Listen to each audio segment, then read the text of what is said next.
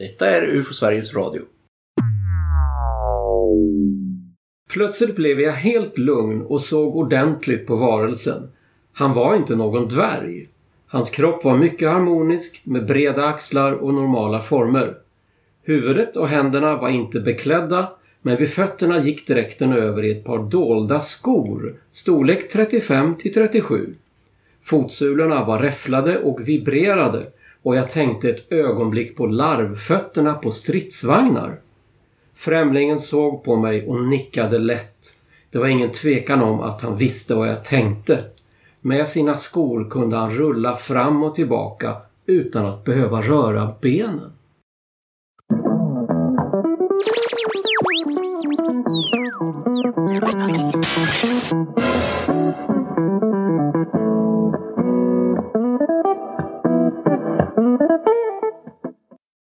Ni ska vara varmt välkomna till UFO Sveriges Radio. Jag heter Tobias Lindgren och med mig idag har jag Thomas Bishanek och Johan Gustafsson. Ni ska också känna er välkomna. Tackar. Tackar, tackar. Vi har försökt att starta ett antal serier i UFO Sveriges Radio nu. En del går jättebra, andra kanske inte har tagit den fart vi önskar. Nu har vi i alla fall kommit fram till ytterligare ett avsnitt i den serie vi kallar Märklighetsfaktor. Jag kan ju dra ett exempel här och så får ni avgöra om ni tycker att det är märkligt eller om jag är på rätt spår.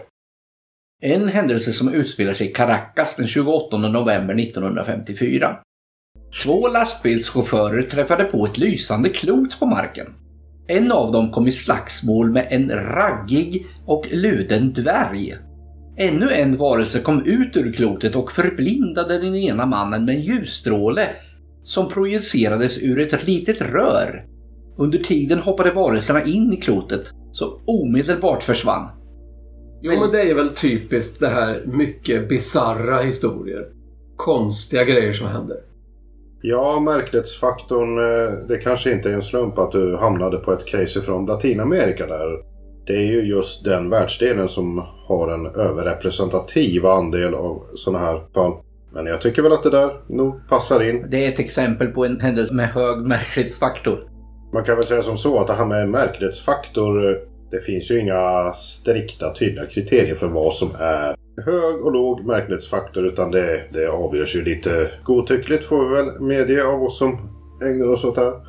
Det är ju så att många människor som ser ett, någon typ av UFO-fenomen kan ju tycka att det är märkligt bara det. Att se någonting vad som helst man inte kan förklara. Men vi menar ju någonting som är lite utöver det vanliga även i UFO-sammanhang. Och man kommer väl få ett exempel på här där vittnena tycker det är märkligt men vi kanske inte tycker det i den berättelse här som jag har fiskat fram. Men Thomas här, vad var det vi hörde här i början? Ja, det här var ju ett litet speciellt eh, fall. Det har en rubrik eh, Avled en man från en annan planet i Norrland år 1955. Och eh, det här fallet, det blev faktiskt nyligen aktualiserat i vår Facebookgrupp Allmänheten diskuterar UFO och UFO-Sverige. Där jag ju råkar vara huvudadministratör och följer allting som skrivs. Och det var ett inlägg av en kille som heter Fred Andersson. Han är ganska känd för oss. Eh, han håller på med en podd som också heter Märklighetsfaktorn. Den måste ni lyssna på. Det är passande inte minst för det här avsnittet. Precis. Men han skrev i alla fall en, ett inlägg om en artikel som han har skrivit på sin blogg om det här märkliga fallet då. Från Sverige 1955. Och det här fallet då har en tendens att dyka upp i olika utländska sammanhang, tidningar och webbsidor. Det är inte alls ovanligt att folk eh, nappar på det och tänker det här måste väl ändå vara undersökt och sådär. Bland annat finns det en tidning som heter UFO Universe, en amerikansk sån här tabloidtidning. Där stod det en artikel om det här 1991. Ofta är det den som citeras i olika utländska sammanhang då. Men vad hände mellan 55 och 91 då? Ja, det har hänt en hel del. Det var absolut inte första gången som det fallet kom till kännedom. Det dröjde dock till 1977 faktiskt innan det för första gången dök upp. Men vi kanske ska dra lite om, om fallet i sig. Det här skulle alltså ha varit 1955. Vittnet påstås vara en skogsarbetare som jobbade i Bottenviken i Västernorrland. hos ett par bröder. Och klockan 06 på morgonen en dag i juli så var de ute och fällde träd. Och då kom det ett cigarrformat föremål flygande mellan träden. Det verkade som att det kraschade nära en älv som låg några hundra meter därifrån. Men det märkliga var att det hördes inget ljud eller någon explosion. Men det blev ett väldigt starkt ljussken och en tryckvåg. Så att de begav sig omedelbart till den här älven, nedslagsplatsen, men så fanns det inget föremål där. Tyckte de var lite konstigt. Men så hittade de en svårt skadad dvärg då som de tror att det är. Och den här varelsen då har gulaktig hud, han har helsvarta ögon, vitt hår, smala läppar, han har tänder, fem fingrar på, på händerna. Så han är ganska människoliknande. Han har en rödaktig uniform som är åtsmitande och så de här konstiga skorna. Det var det jag läste här i början då. Som skulle gjort att han kunde rulla fram på något sätt på marken. Ja. Och de här bröderna, de av någon anledning lämnar den här platsen. De här två andra vittnena då. Och han är kvar vid den här varelsen då i två timmar, säger han. Och då berättar den här varelsen en massa saker. Att han kom från det som vi kallar stjärnbilden Örnen. Att det är flera civilisationer som besöker jorden och så vidare. Men han är alltså svårt skadad den här varelsen och till slut faktiskt efter ett par timmar så dör han. Och då har han talat om för vittnet då att han ska placeras i en säck och läggas i älven. På det sättet försvinner han liksom då. Och han, det märkliga var att trots att han var ganska liten då, 110-120 cm lång, så vägde han någonstans mellan 90 och 100 kilo när de lägger i honom i den här säcken då. Och så upplös bara den, i, den upplöses i vattnet helt enkelt, den här säcken. Så varelsen bara borta. Och sen berättar han att, ja, så blev han kvar hos de här bröderna då, jobbade i två år och bröderna är döda nu då. Anledningen till att han egentligen berättade den här historien, det var ju att 1977 då så finns det en förening i Danmark som heter FUFOS. Fritt UFO-studium betyder det. Och de bestämde sig för att vara med på en utställning som hette Kärlek eller kaos på Charlottenborg i Köpenhamn. Det är en konsthall kan man säga. Så där dök de upp och hade en UFO-utställning. Och så hade de en, ett slags rullande föredrag där med diabilder. Och då stod det en man och lyssnade på det här avsnittet som handlade om ufonauter, alltså varelser då. Och han lyssnade, stod och lyssnade på det här flera gånger. Och det var det som gjorde att den här personen som var engagerad i den här ufo-föreningen började prata med personen. Och då kom den här historien fram då. Det var då han berättade hela den här historien, vittnet. Och mannen som berättade det här, det var alltså han som var huvudvittnet till observationen där då i, uppe i Norrland någonstans. Men det finns ju inget namn på det här vittnet och det finns inget namn på platsen där det skulle ha skett och det finns inget datum. Så det gör ju att det är ju lite lätt svårkontrollerat, så kan man ju säga. Och anledningen till att han, den här mannen då gick, till slut började berätta, det var att han på en av de här eh, bilderna som fanns av varelser i det här föredraget så var en identisk med den här varelsen som han hade då tagit hand om eller sett och som hade dött på platsen. Det var därför han blev så konfunderad och bestämde sig för att berätta det här. Den som tog emot den här historien då, han hette John LaFontaine. Det är ju ett lite udda namn. Man kan ju tänka sig att det till och med skulle vara något taget namn, men det är det faktiskt inte. Utan det är en engagerad person i den här danska UFO-föreningen då. Låter lite franskt. Ja, men han var aktiv inom, inom den här föreningen FUFOS då. Tyvärr så är han död, men vi har ju faktiskt lyckats luska reda på en bild i alla fall på honom. Vi har ju, den här föreningen hade en tidskrift som heter UFO Aspekt. Och i, i det, ett par nummer efter den här historien publicerades så finns det en lista över styrelsen och där är han med på bild. Han är en av fyra i styrelsen. En man med typ, typiskt 70-talsutseende, glasögon och mustasch. Vad var han för något? Han var, vad stod det där? PR-ansvarig? Ja, PR-man. PR-man till och med.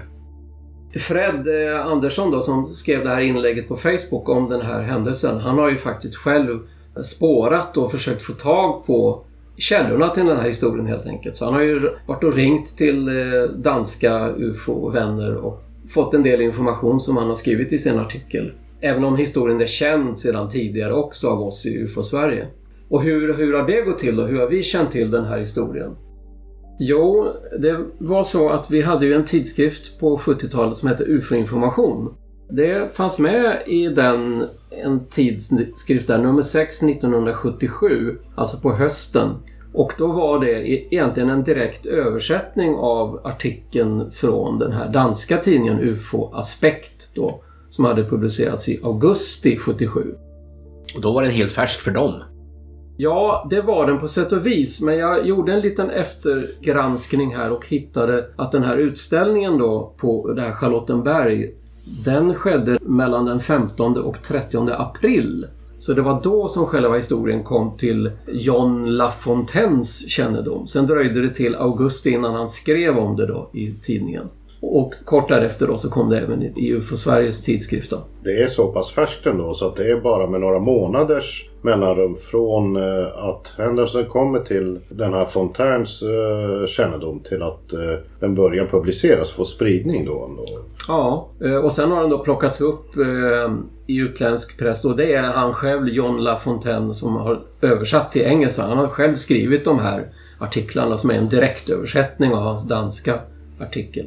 Eller är det en artikelserie som får fart i och med den här början här? Nej, alltså det, det är den här artikeln. Som så... då publiceras överallt på hela jorden? Ja, det var väl att ta i, men, men i ufo-kretsar så blev den nu lite spridd i alla fall.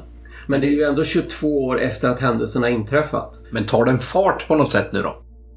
Jag har ju tittat en del på, på det här caset också. Det, det är ganska uppenbart att eh, alla de artiklar som är skrivna om det här i eh, dansk, eh, danska tidskrifter, svenska, utländska, eh, amerikanska. Det är ju direkta kopior av den här originalartikeln. Skrevs det något mer om den här händelsen någon gång, Thomas? Har, har, du hittat någonting mer i...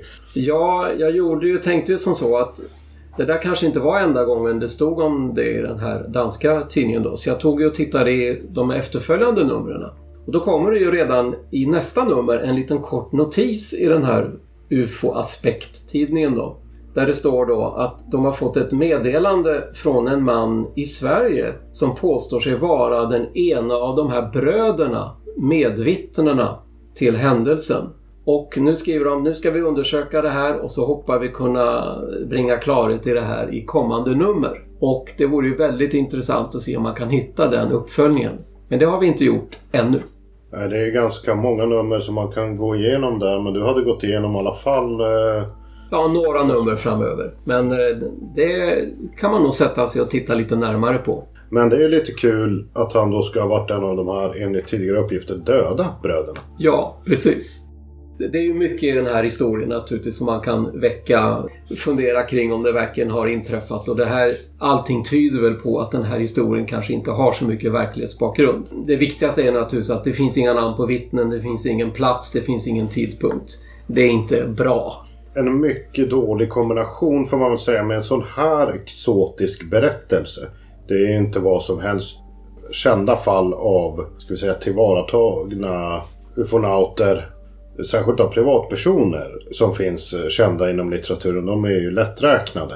Och även själva historien. Det finns en del detaljer här som man kan kolla upp som också får en att höja på ögonbrynen. Jag kan ju läsa ett par saker ur den här berättelsen. Till exempel så var det så att när den här varelsen började prata så visade det sig att han pratade ju svenska då. Det var ju fantastiskt. Vittnet berättar så här då. Hans svenska var så ren att bröderna, som talade en svensk dialekt, inte kunde förstå särskilt mycket av det som sedan blev sagt. Pratar man en norrländsk dialekt så skulle man alltså inte kunna förstå vanlig standardsvenska då. Det är ju naturligtvis helt osannolikt. Och det tyder i så fall också på att det här vittnet då är ju svensk, rimligen. Och då har han kommit till den här danska utställningen i Köpenhamn och berättat den här historien. Vad händer då i den lilla språkförbistring som trots allt finns mellan svenska och danska? Kanske inte är solklart att allting blir rätt där. Det, det, finns ju risker som man måste verkligen ta hänsyn till här. Nu ska vi kanske inte dra slutsatsen att, att det nödvändigtvis är så att det här är en kraftigt förvanskad historia på grund av språkförbistringar. Språkförbistringar. Det är klart. En, en sån översättningsprocess är ju fylld av risker. Det kan vi i alla fall Vi ska också komma ihåg att det är 45 år sedan det här kom upp. Och att äh, utredningsmetoderna var något helt annat då. Det nämnde vi ju till, som senast i senaste podden att utredningsmetoderna har ju ändrats jättemycket. Och vi vet ju inte vad som hände, vad den här Fontaine eller vad han hette, vad han gjorde. Mer än att dokumentera det hela. Gjorde han några efterforskningar? Han borde åtminstone ha skrivit ner namnet på den här människan. Nej, men han, han, hans, det som står i artikeln är att han, han lyssnade på mannen och sen gick han och så, var det, så skrev han ner allt som han hade berättat sen. En sak till som är lite lustig när man läser den här berättelsen det är att de här två bröderna då som var medvittnen och som var med när de träffade på varelsen. Plötsligt så i början där så blev de förvirrade och såg på varandra och gick in tillbaks in i skogen. Så de försvann från platsen. Jaha, så han var ensam kvar med varelsen. Men sen när han då skulle placera sina säcken och läggas i vattnet, ja då fick han hjälp av bröderna. Då var de där igen plötsligt. Det är också en sån där detalj som tyder på att historien inte riktigt hänger ihop. Det är inget fullständigt sammanhängande narrativ så då som ger en konsekvent helhet. Nej, jag menar varför skulle de här bröderna ha gått bort och varit borta i två timmar med den här sensationella dvärgen eller varelsen De borde ha varit minst lika intresserade naturligtvis. Ja, Ja, det är ingenting man hittar i skogen varje dag. Va? Så, Sa vi vad kopplingen var mellan de här två bröderna och huvudvittnet? ja han, han jobbade helt enkelt som skogsarbetare åt dem. De ägde väl skog där uppe i, i någonstans i Västerbotten. De var väl bevandrade i den här skogen alltså. Ja, det får man väl anta. Verkligen. Men någon farkost eller så, det förtäljs inte historien om. Mer än det första de berättar. Ja, nej, de, de spekulerar själva i om den hamnade i älven då på något sätt, försvann där och han skulle ha kastats ut och hamnat... Ja, det hela är ju lite... Katapult när den håller på att krascha. Ja, och så var det som sagt bara ett ljussken och inte en explosion och så vidare. Det, det är lite... Det har lite övrigt att önska. Ja, om vi s- pratar om det angående vilka uppföljningar som gjordes från hans egen sida. Nu verkar det ju som att han, han dokumenterade bara den här berättelsen och gjorde inget mer. Men den här killen Fontaine, han har ju skrivit den här artikeln och ingenting mer som det verkar i allt vad litteratur heter. Det finns ju inga som helst eh, tecken på att, på att det hände någonting mer. Och det kan man ju nästan ställa sig lite frågandes till. Vad, Han är inte känd som någon i branschen alltså. Nej, han, han publicerade en artikel, det är den här. Och sen finns det inga mer kända publikationer av honom alls. Det här är hans 15 minuter i rampljuset. Nej, men det är ju lite spännande. Vi har alltså inte gjort några efterforskningar på den här Fontaine. Nej, inte mer än eh, det som eh, ja, vi kan hitta i, i Fufos egen tidskrift. Då. Det är inte mycket. Däremot så har ju Fred Andersson då, i samband med sitt eh, inlägg på Facebook gjort de här efterforskningarna som, som Thomas nämnde i, i inledningen här. Ja, och Fred har ju alltså pratat med eh, våra vänner i Danmark som numera publicerar en tidskrift som heter Skandinavisk UFO-information. Där var det en person då som kom ihåg John Love Fontaine väldigt väl. Enligt honom då så hade han varit en mästare på att berätta historier. Han var tydligen en, en före detta segl, seglare och eh, har varit rest runt i världen. Så det är ju också, ger ju ett lite, mm, inte riktigt bra. Han åkte omkring i Danmark och, och berättade eh, om UFO. Och det är väl inte omöjligt att han kanske har brett på lite då, kanske. Det är möjligt att han, att han faktiskt har träffat en man som har kommit med någon historia, men att det inte riktigt var så fantastisk som... eh, Nej, att han heller inte gjorde några, några vad heter det, reflektioner. Rent kritiskt tänkande eller så. Nej. Nej, han tyckte det var en bra historia och det får vi nöja oss med. Och det var väl lite tidstypiskt då, tyvärr. Som vi har varit inne på, att man inte var så kritiskt granskande kanske. Ja, det får man väl säga. Vi snackar 70-tal och då, då nöjde man ju sig gärna med att få information och sprida informationen vidare. Med tanke på vad som hände med den här varelsen så får man nog säga att märkligt, det är det definitivt.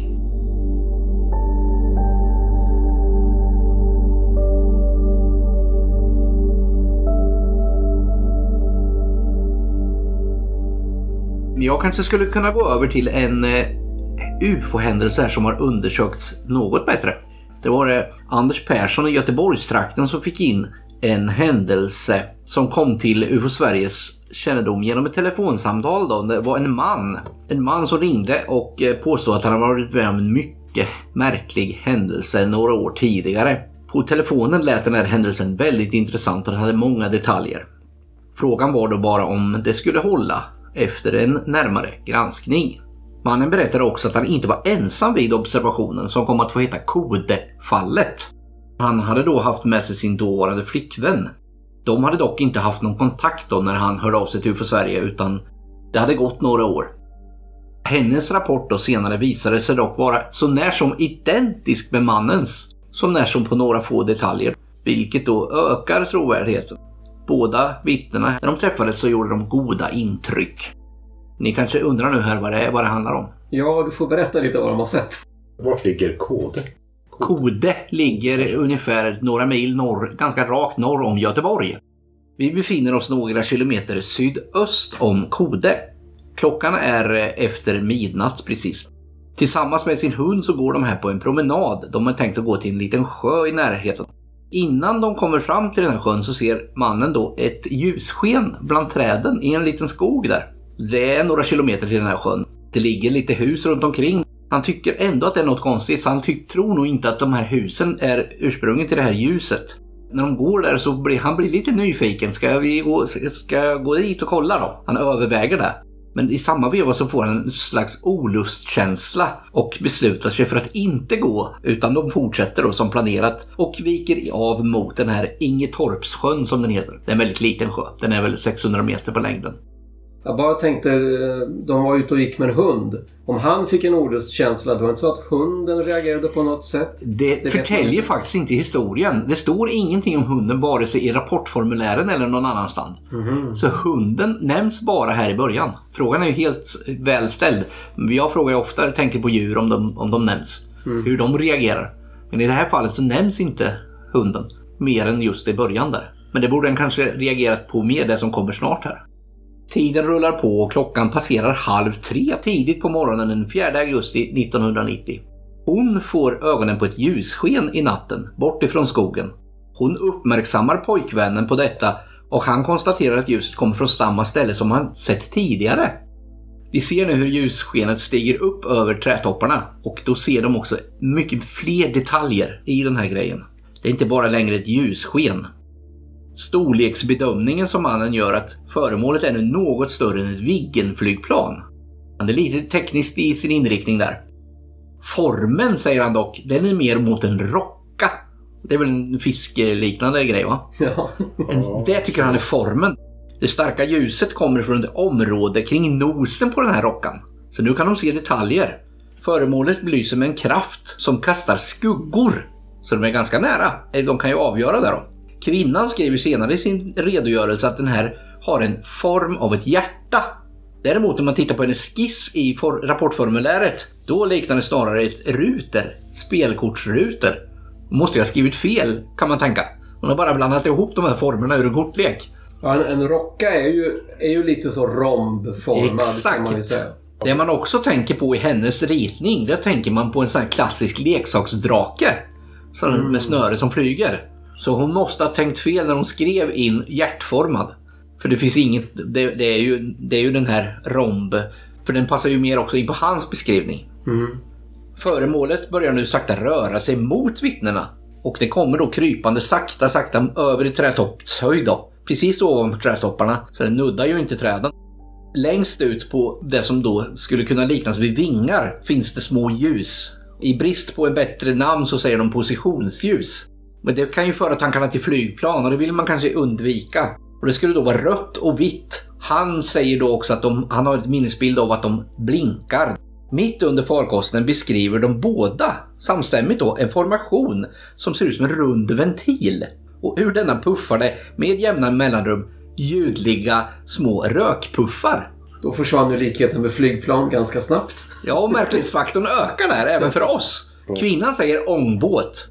Men mannen säger att det liknar mer ett ånglok ljudmässigt då. Och han kanske också tycker att det, det har likheter med eh, en amerikansk V8-motor. Men där tillägger han också att det, just det kanske skulle kunna vara ett uttryck för att det, att det kändes som att det var en enorm kraft bakom det hela. Båda är dock helt överens om att det fanns en bakomliggande susande, vinande, ja, någon typ av susande, vinande ljud i luften runt omkring hela det här. Från det att den alltså steg upp tills den flög över dem då. Men har vi någon uppfattning om avståndet? Ja, den, är jätte, den är nästan över dem, rakt över dem. Oj.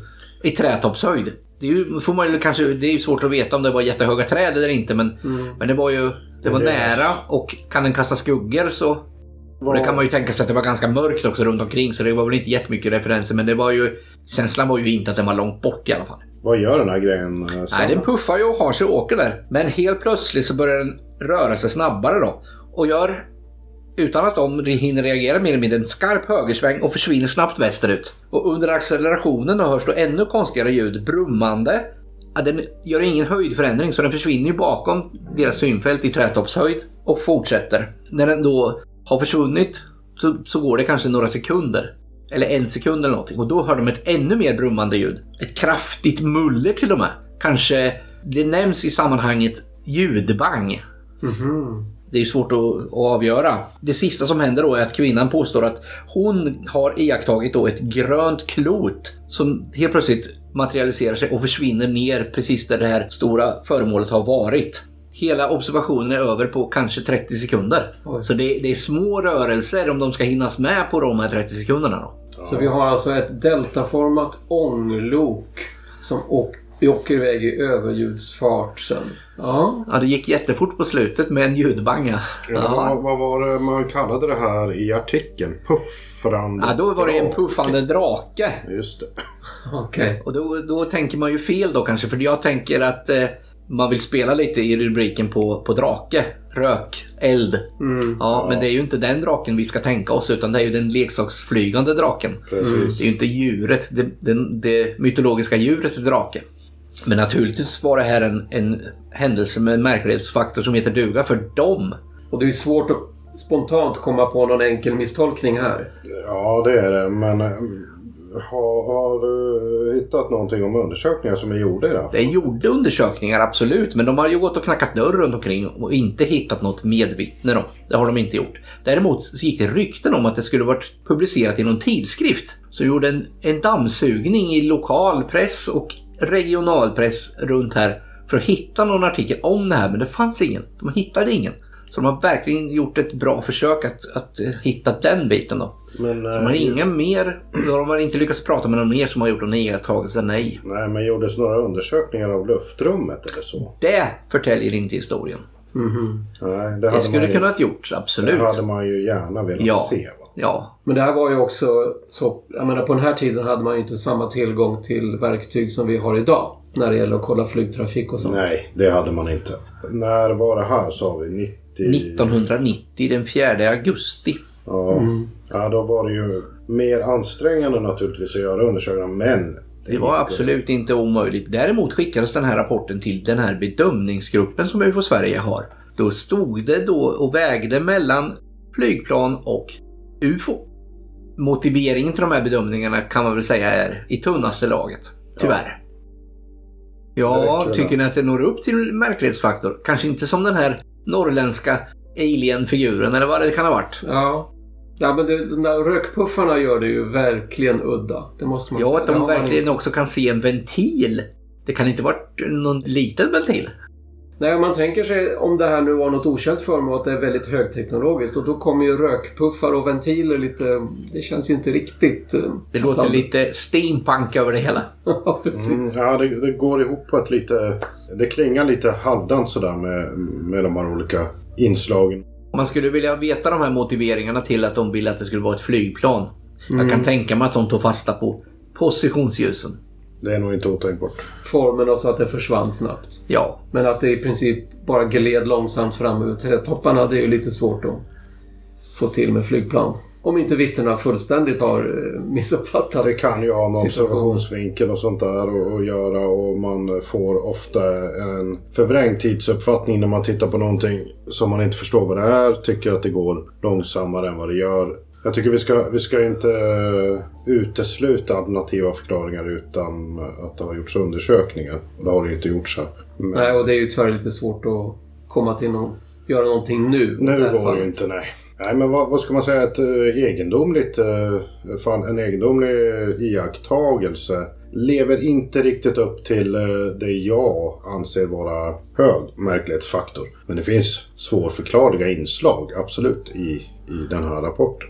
Ja, för mig skulle det räcka långt om jag fick se en sån här puffande grej. Ja, det, det är inga tvivel om att eh, vi nog kan anta att för vittnena var det här det märkligaste de har varit med om i hela sitt liv. Men som vittne har man ett annat perspektiv också. Då har man sin egen upplevelse att se till.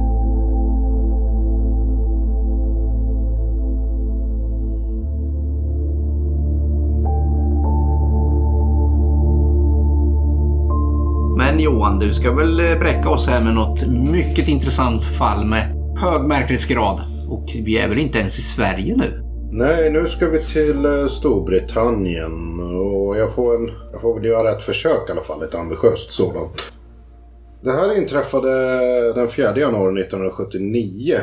En eh, stad som heter Rowley Regis. Det vet ni väl vart det ligger? Ingen aning. Som jag brukar säga, eftersom vi har sagt England, säger jag England. Ja, ja men okej. Du, får- du får det ändå i alla fall. Tobias. Nej, det ligger utanför eh, Birmingham i en eh, region som heter West Midlands. Det här är ju ett eh, känt fall ifrån eh, England eller brittiska öarna som väl får sägas är ett av de allra mest egendomliga som har publicerats och kommit till kännedom rent beskrivningsmässigt om man ser till narrativet ifrån det här vittnet och det hon är med om så är det väldigt främmande från vardagliga upplevelser. Det är även känt som The Mince Pie Martians har de ju beskrivit här som Tobias Mince Pie. Det visste väl du precis? Köttfärspaj. En köttfärspaj. Ja, mince meat är väl köttfärs? Ja, nej, men jag, jag har förstått det så också att det, det är en vanlig köttfärspaj. Men det här var på morgonen då, den här dagen som sagt, 4 januari 79 och eh, den här kvinnan då som är, är med om det här, Jean Hingley heter hon. Hon har eh, sagt hej då till sin man, han har åkt till jobbet och hon eh, står där ute på uppfarten till deras eh, bostadshus med, med deras hund. Ytterligare en hund. Ja, det är värst vad populärt det är att ha hundar. Hon ser som ett sken och kommer från eh, vid sidan om de, de har sin uppfart och så har de ju då garageporten och en liten uteplats och, och det lyser, det skiner som något orange sken. Hon tror ju först att det är hennes eh, man som har glömt garageporten öppen, att det lyser ut där igenom så att hon, hon ska gå och stänga den. Men det hänger ett stort klot då, säger hon. Det hänger ett stort orangefärgat klot som lyser ner över eh, fasaden och eh, omgivningen runt om huset. Som en apelsin ungefär. En stor lysande apelsin. I, I den storleken också. Nej, eh, den är ju större än så. Så att det är bara om vi pratar färg och form då. Den här lyser då. Det är det som är skillnaden. Så tänk er en lysande apelsin i sin vardagliga nyans då. Den rör sig sen då över eh, huset, hänger över hustaket kan man säga. Och då övergår den i ett eh, vitaktigt sken istället. Och sen händer det då någonting lite mera för den här hunden som eh, Jean Hingley har intill sig. Den, hon ska ju vända sig ner mot den och den är helt plötsligt precis frusen. Den står som... Den har pälsen som har skjutit ifrån, alltså i såna här, vad säger man, reser... Eh, Ragg. Ragg säger man. Den är, ja, kan man säga, immobiliserad. Den är som paralyserad. Men det är inte Jane Hingley. Inte, inte i det här läget. Utan hon står eh, kvar där och ser, eh, ser sig omkring lite grann. Förstår ju i det här läget inte vad det är som händer. Men då säger det swish helt plötsligt. Och förbi henne flyger tre stycken små figurer. De kommer alltså flygande, de går inte förbi henne. Utan de flyger förbi henne in i bostaden. In i lägenheten flyger tre alvliknande flygande figurer. Hur stora är de? De är en dryg meter. Enligt de eh, uppskattningar som gjordes eh, på de eh, brittiska måtten så var var och en av de här figurerna three and a half feet tall. Hur mycket är det? Det ska ju du kunna Tobbe som jobbar på Nej, Luftfartsverket. det är väl strax över metern. Strax över meter. Men, men, men är de i paritet med det här klotet då? Eller finns det något samband där? Har man fattat det? Ja, alltså klotet hänger ju där uppe då. De här grejerna, eh, småfigurerna, de flyger förbi henne nere på markplan. Så att Hon ser, ingen, ser inte att de kommer från klotet. Nej, de, de avlägsnas inte De är, de är separerade men jävligt märkliga båda två. Ja, kan man väl säga. Man kan ju säga som så om det här fallet att det är ju det är en korsning mellan UFO, dagens moderna UFO-fenomen och gammaldags folktro. Det, det är tydliga sådana inslag i alla fall. De flyger in i bostaden nu alltså. Ja, de är där inne och Hingley hon står kvar där utanför. Men hon hör ju någonting där inne. Som sagt, det här är ju då den eh, 4 januari. Så det är inte långt ifrån juletiden.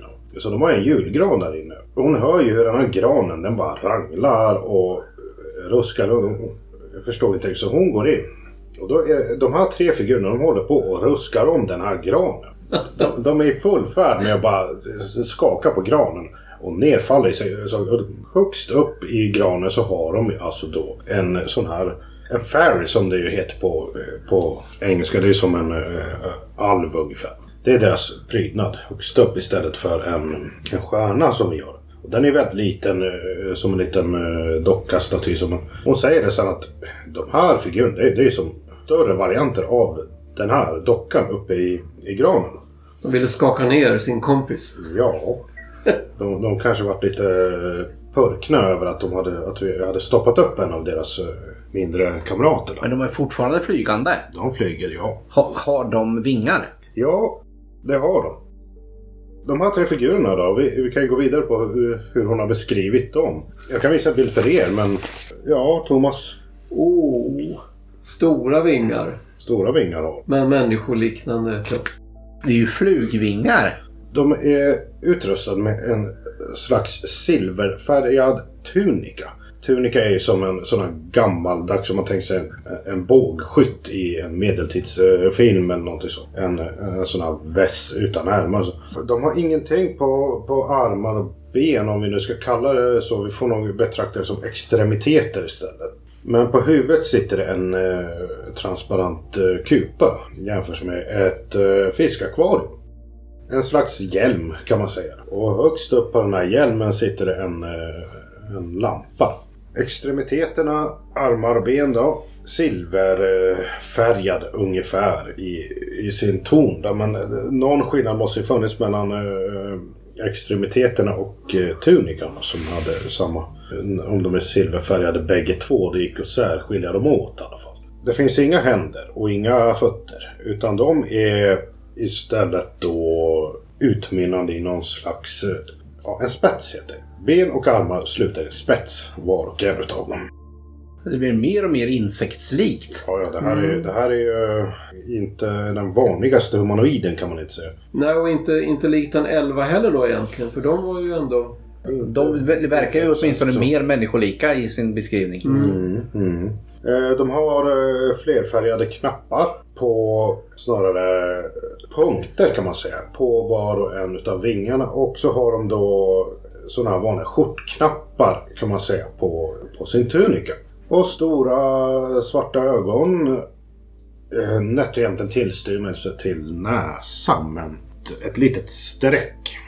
Som mun då. En väldigt eh, blygsam mun också. Och deras ansikten de är blekvita. Det är det man ser. Eh, En helt vit kritvit nyans som man kan tänka sig nästan som ett dockansikte. Beskrivningen av det här ansiktet är ju inte alls olikt en sån här Grey Alien tänker jag. Nej, där kommer ju likheterna mer in. Det är ju eh, stora prominenta svarta ögon och så en vit, väldigt kritvitt ansikte. Ja, vi kommer lite närmare den typiska humanoiden där. Jean Hingley hon uh, går ju in där och ja, vad ska hon säga? Hon uh, börjar ju naturligtvis uh, titta på de här figurerna och förstår inte mycket av situationen i, i nuläget. Det hade ju inte en annan gjort heller.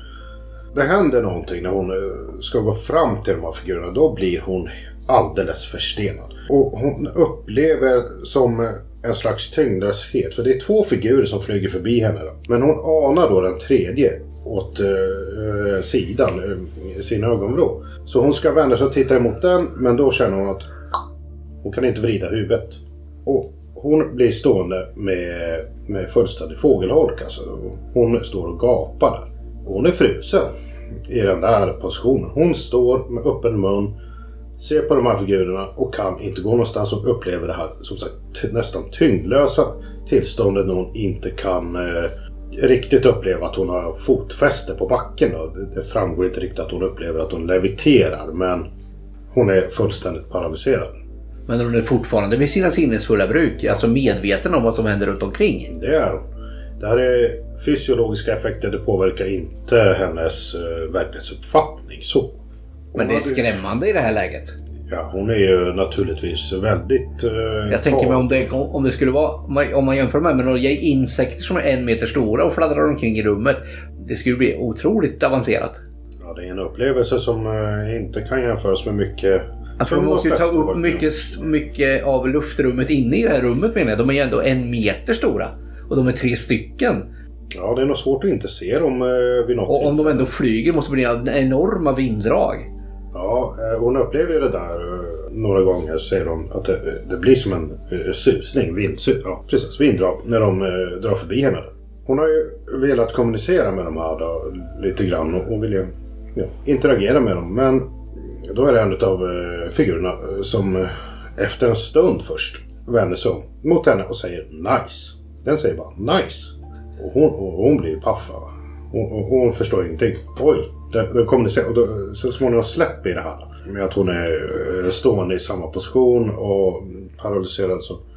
Hon börjar faktiskt eh, lite smått eh, kommunicera med, med de här varelserna.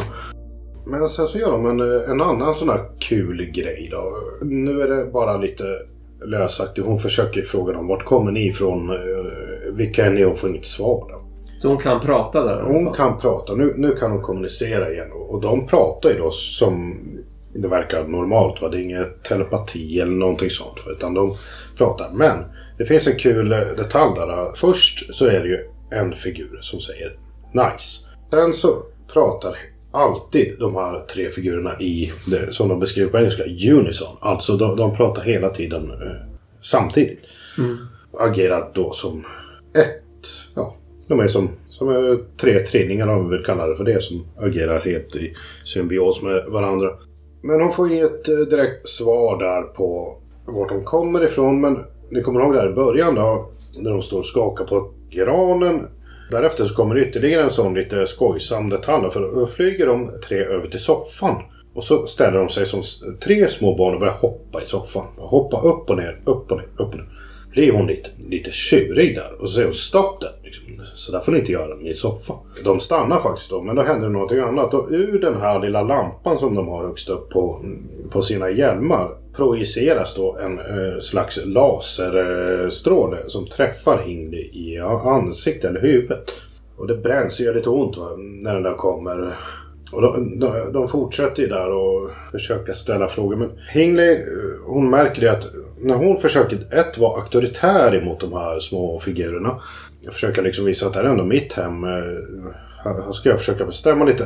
Och även om hon försöker ställa frågor till dem som, eh, som de inte vill svara på eller inte kan eller vad man nu ska tolka det som. Då projiceras varje gång den här strålen emot henne. hon får den i ryggen en gång så blir eh, återigen lite paralyserad. Hon märkte inte tidigare att hon leviterade men det gör hon sen för att rätt vad det är så flyger hon själv.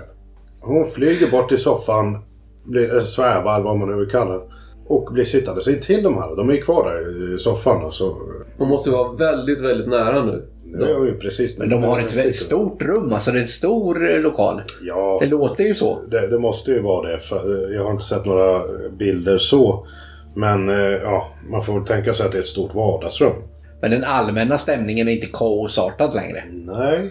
För det verkar som att de har lugnat ner sig lite grann så de åtminstone kan föra någon sorts konversation. Ja, det, det är en viss eh, form av ömsesidig interaktion nu, men den är samtidigt ganska begränsad.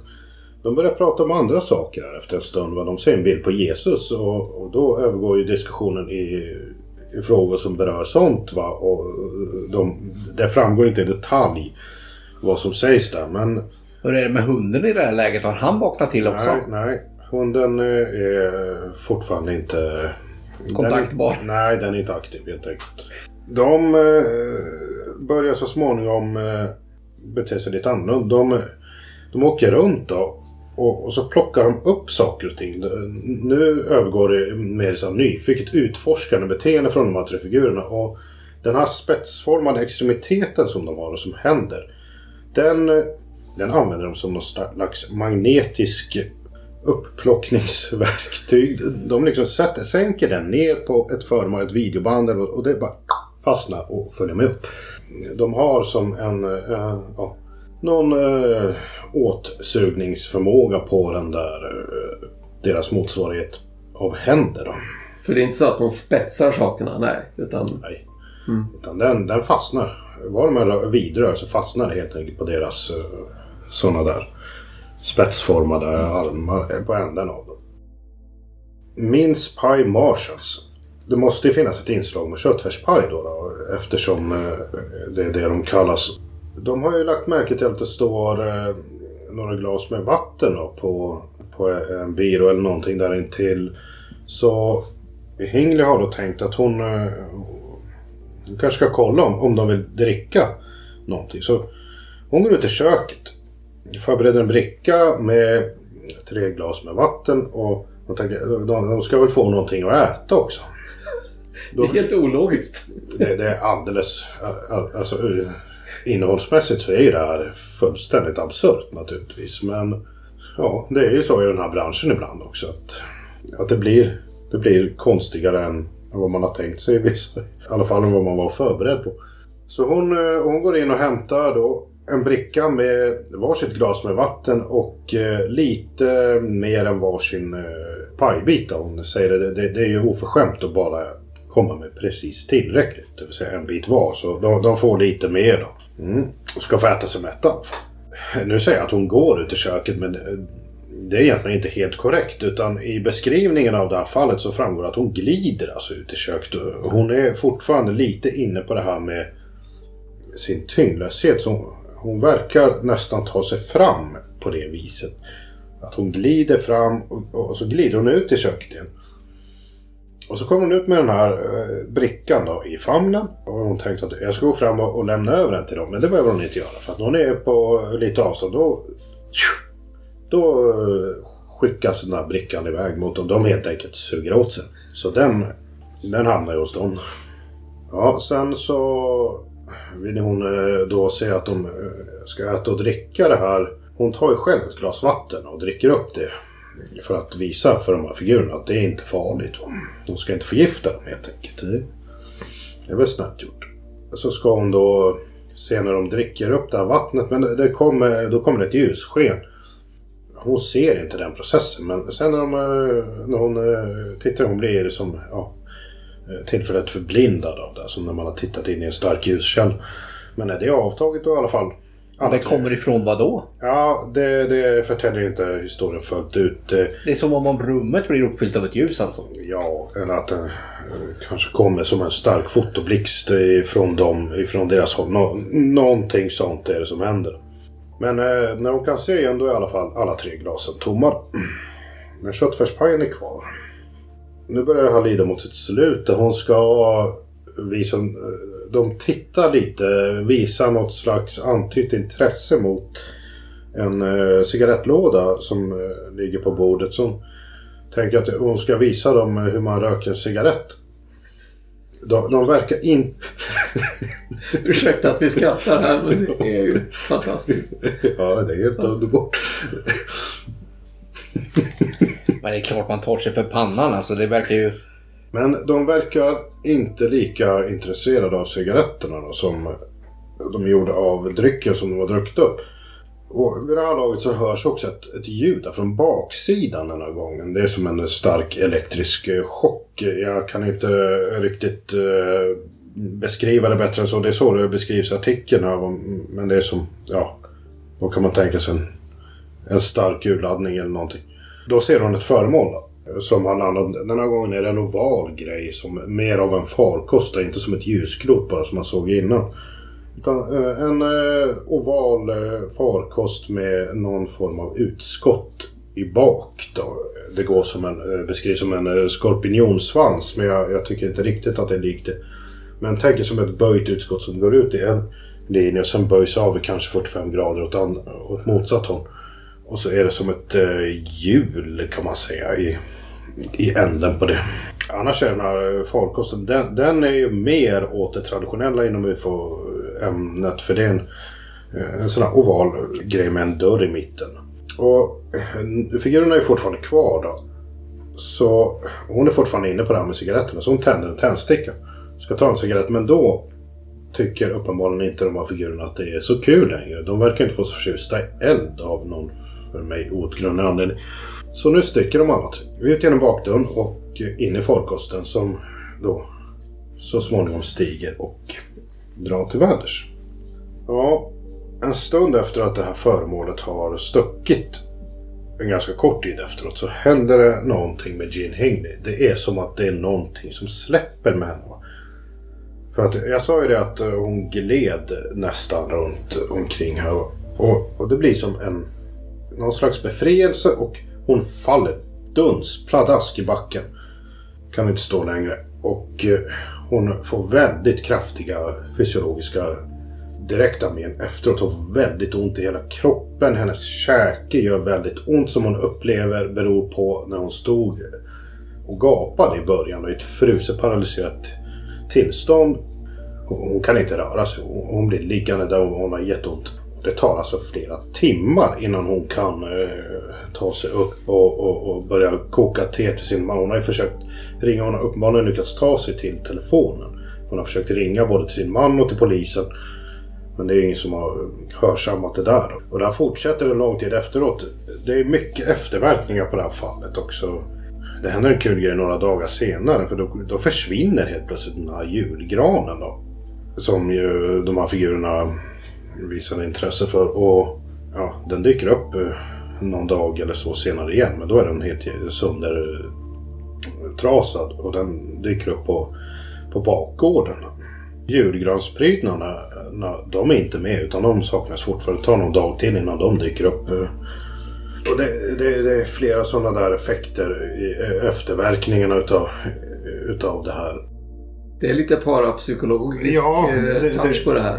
Det finns paranormala inslag så också. Och det talas om att hunden, så fort de börjar prata om de här figurerna, då blir den här hunden lite bananas. Va? Det, den, den klarar inte av att man pratar, de här figurerna. Och det, det är ihållande eh, fysiologiska effekter för Jane Hingley också. Hon har flera men utav det här. Och man hittade ju också faktiskt ett, ett spår på backen. Där den här farkosten ska ha stått fanns det då en... Eh, ett lite ovalt märke. Inte riktigt som, eh, som en sån här hel, helt eh, utbränd cirkel. Så, utan mer i, i ut, utkanterna så. Och eh, den var brittiska ufologer där och dokumenterade väldigt tidigt. Så den finns det bilder på. Och, eh, det var annat också som skulle ha hänt. Det finns eh, ingen snö uppe på garagetaket över vilket den här grejen ska ha hängt då.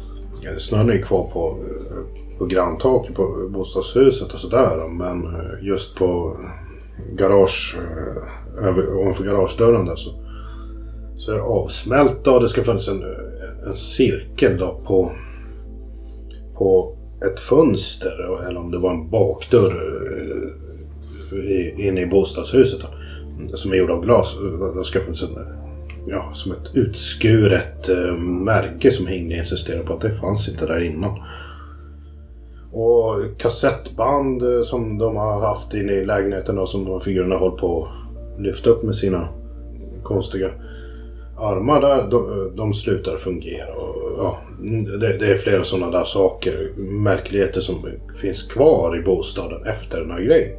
Ja, det skulle väl ta ganska lång tid att gå igenom allt det i detalj. Så jag ska väl nöja mig med, med den här sammanfattningen av den här minst sagt exotiska berättelsen. Vad säger, har, har ni hört talas Det om jag skulle vilja veta är om hon överhuvudtaget har böcker i bokhyllan och om de verkligen inte har, innehåller konstiga saker. Mm, nej, och hon ska enligt uppgift inte ha haft några sådana här intressen. Jag kan citera Albert Budden som har eh, skrivit den här artikeln. Han eh, beskriver henne lite här i början. Jane Hingley was a middle-aged woman from the small town of Rowley the Regis, just west of Birmingham in the West Midlands of England. She worked in a factory making soundproofing for cars and lived with her husband and Hobo, det är hundarna, her Alsatian, in Bluestone Walk, named after the stone from the surrounding quarries.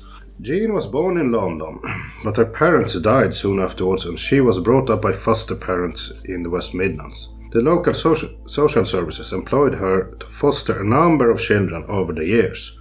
Och så skriver han det. Such authorities screen temporary parents thoroughly.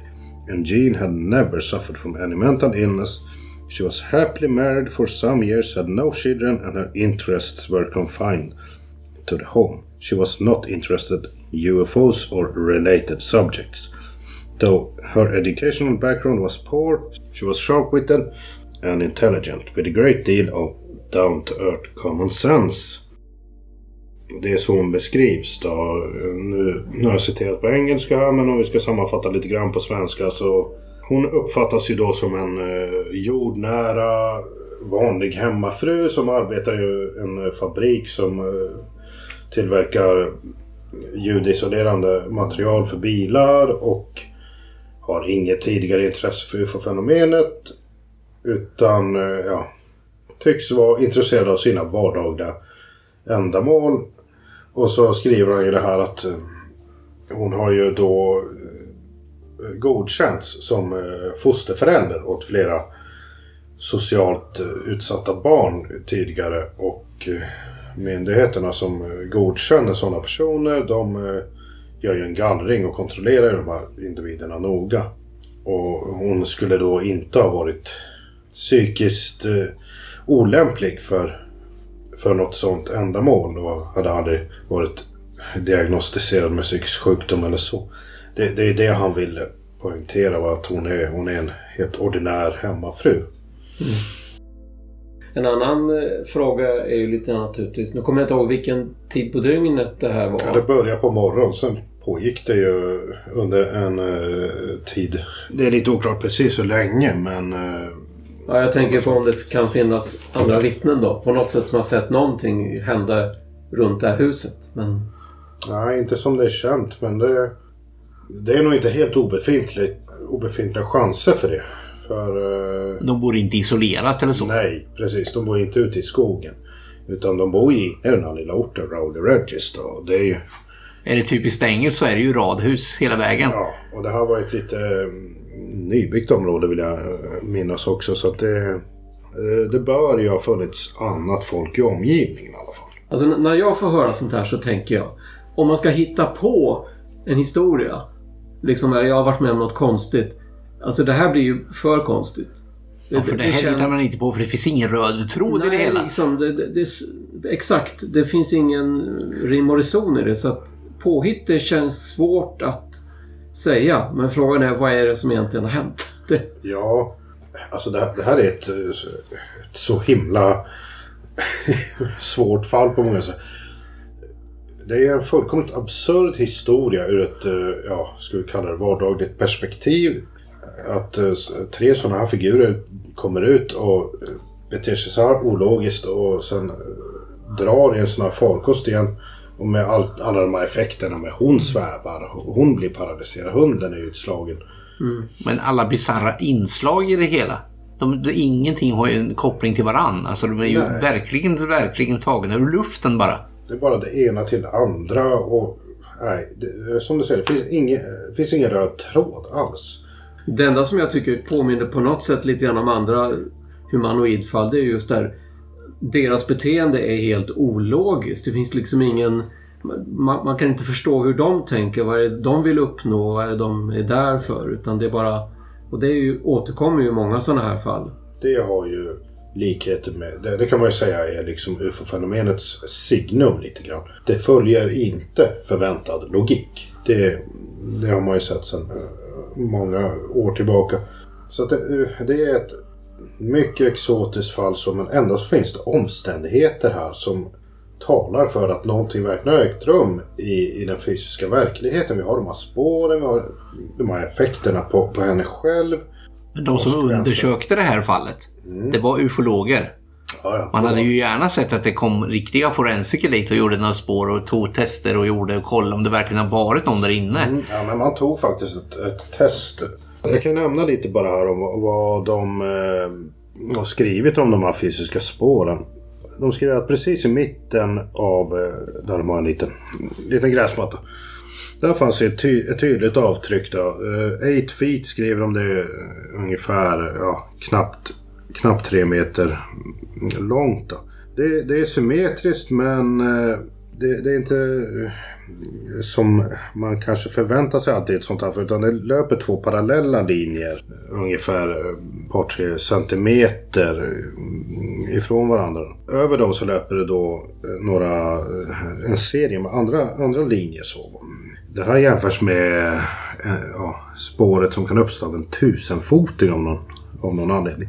Man, man tog ju eh, jordprover här då. Som man lät analysera ifrån den frusna marken och det man kunde konstatera var att de innehöll eh, större mängder kalk än den omgivande jorden. De här eh, märkena då, de, de uppstod däremot i snön då. Det, det, det smälte bort fort. Men det växte ingenting där på, på över ett år sedan, säger de här. Och så återkommer man till det här på, uppe på på eh, garagetaket och så. Och så beskriver man eh, mer om det här va, med, med effekterna inne i bostaden. Det är mer än bara videokassettbanden. Det är ju tvn slutade funka, radion funkar inte som den skulle. Den var på då enligt Hingli under tiden som, som det här, på, eller när det började men den upphörde ju. Den la av då helt enkelt. Och de beskriver mer om hennes effekter då med ögonen och hon var tvungen att ha starka solglasögon under en lång tid framöver. Desto mer om, om hennes fysiologiska effekter där till då. Jag tänker på en sak till. Som är, eh, de blev erbjudna mat. De åt inte. Förmodligen. Vi kan se. Eh, ja, de tog faktiskt med sig köttfärspajerna. Ja, så tog de med sig dem? De tog med sig dem när de drog. Aha. Men de sågs... Då sprack din teori där. Ja, för att det, det finns ju såna här... Jacques Vallée har ju varit inne på det här med... Kom, eh, vad heter det? Jämförelsen med folktronsväsen att de inte gillar salt. Det finns förmodligen ganska mycket salt i en köttfärspaj. Exakt, den skulle väl inte vara så god tesen, utan salt. Den tesen är ju inte motbevisad för att de drack vattnet. Mm. De lät köttfärspajen vara. De tog mm. med sig köttfärspajen. De sågs aldrig äta den. Så Nej. Mm. Ja, det som jag skulle vilja ta reda på är ju vad som står i hennes sjukjournaler efter hela den här grejen. Ja. Både det, för hon borde ju ha haft fysiska men efter den här händelsen som borde dokumenterats. Precis, så, sånt är alltid intressant och relevant. Jag har inte sett några, eh, någon dokumentation över hennes eh, sjukdomstillstånd, ja, det här med ögonen och så vidare efter. Jag menar både den fysiska och den psykiska hälsan. Det skulle man verkligen vilja veta. För man kan ju, jag har ju läst i, i litteraturen att folk som är väldigt psykiskt sjuka inte har en röd tråd i deras berättelse. Den kan ju verkligen svämma ut åt... Alltså man, man förstår inte det på samma sätt. Och då tänker jag mig att det här skulle kunna vara en, en del av en sån grej. Ja, jag tror att uh, det är inte mycket som talar för att Jane Hingley är, är psykiskt sjuk. Alltså, att det skulle kunna vara ett tillfälligt sjukdomstillstånd när det här händer? Ja, alltså visst möjligen en tillfälligt utbruten psykos va, av något slag. Men uh, att hon själv att hon överlag skulle lida av uh, någonting sånt. Det, det finns det absolut ingenting som tyder på. Albert Budden som har skrivit den här artikeln pekar ju på det i början också. Att hon har ju faktiskt blivit kontrollerad mot sånt uh, tidigare i livet. Mm. Men uh, sen kan det naturligtvis bryta ut senare. Men...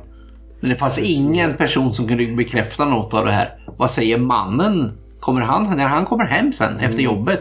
Finns det mm. något spår av det här? Nej, det där har jag också pekat på. Jag, jag, skrev om det här fallet i ett arbete som jag gjorde för flera år sedan när jag studerade sådana här ljusklot i, i Sverige. Då.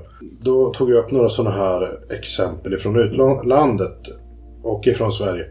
Där ljusklot av olika eh, slag har kunnat kopplas ihop med eh, långt mer extraordinära fenomen. Då. Det här är ett sådant exempel med tanke på att det hela börjar med att det hänger ett stort orange ljusklot över uppfarten. Eller, eh, jag noterade precis samma sak. Av alla de här effekterna som då skulle ha förekommit så har jag bara sett bild på spåren.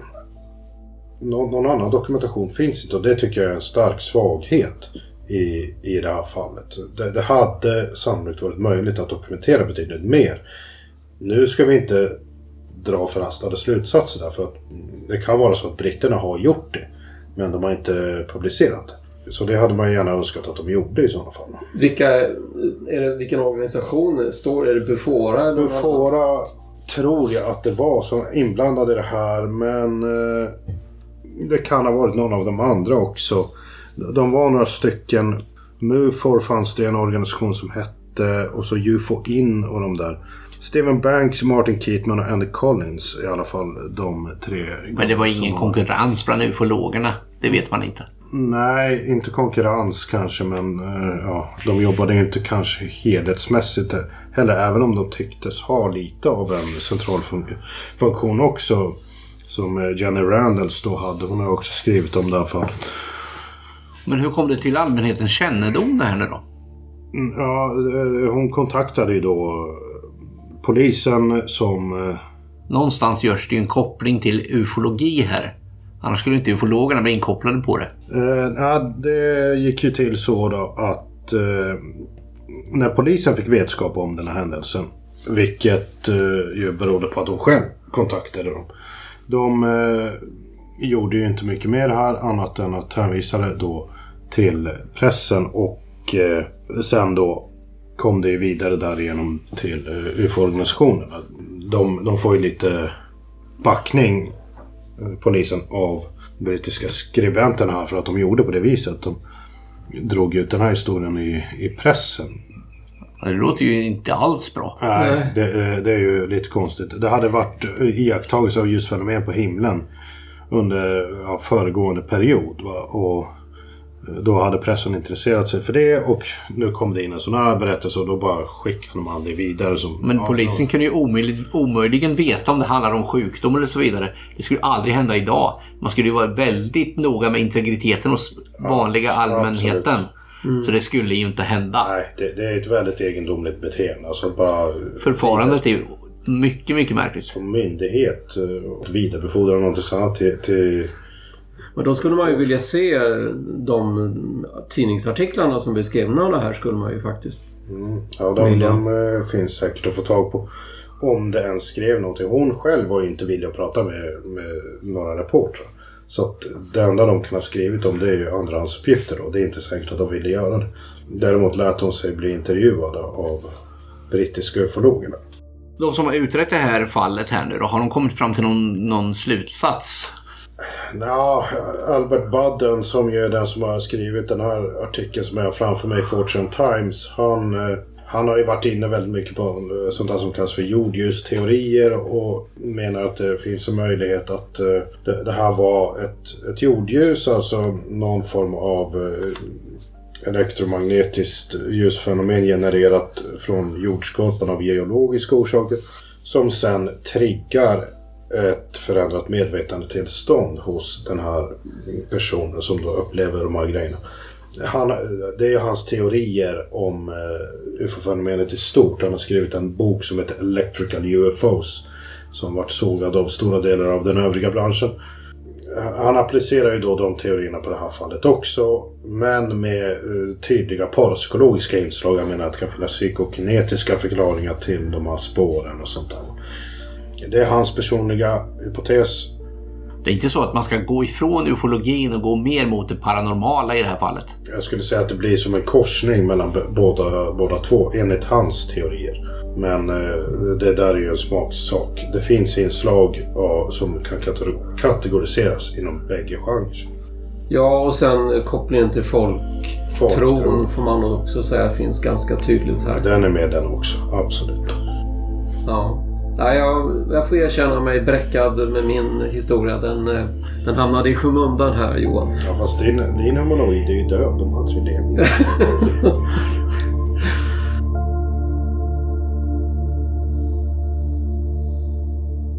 Vem är det som gör den här podden, Thomas? Jag tror att det är den här riksorganisationen UFO-Sverige har jag hört talas om. Och vart hör man av sig om man ska ta kontakt med riksorganisationen UFO Sverige? Ja, det finns lite olika vägar. Men eh, ringer man på telefon då, då ringer man väl till 018 555 000.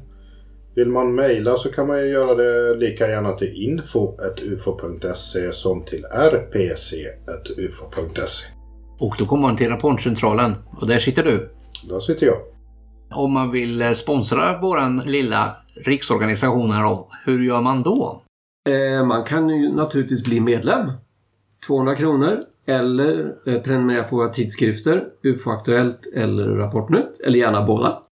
Vi har ju till och med ett paketpris där man kan få alla de där tre grejerna för 500 kronor.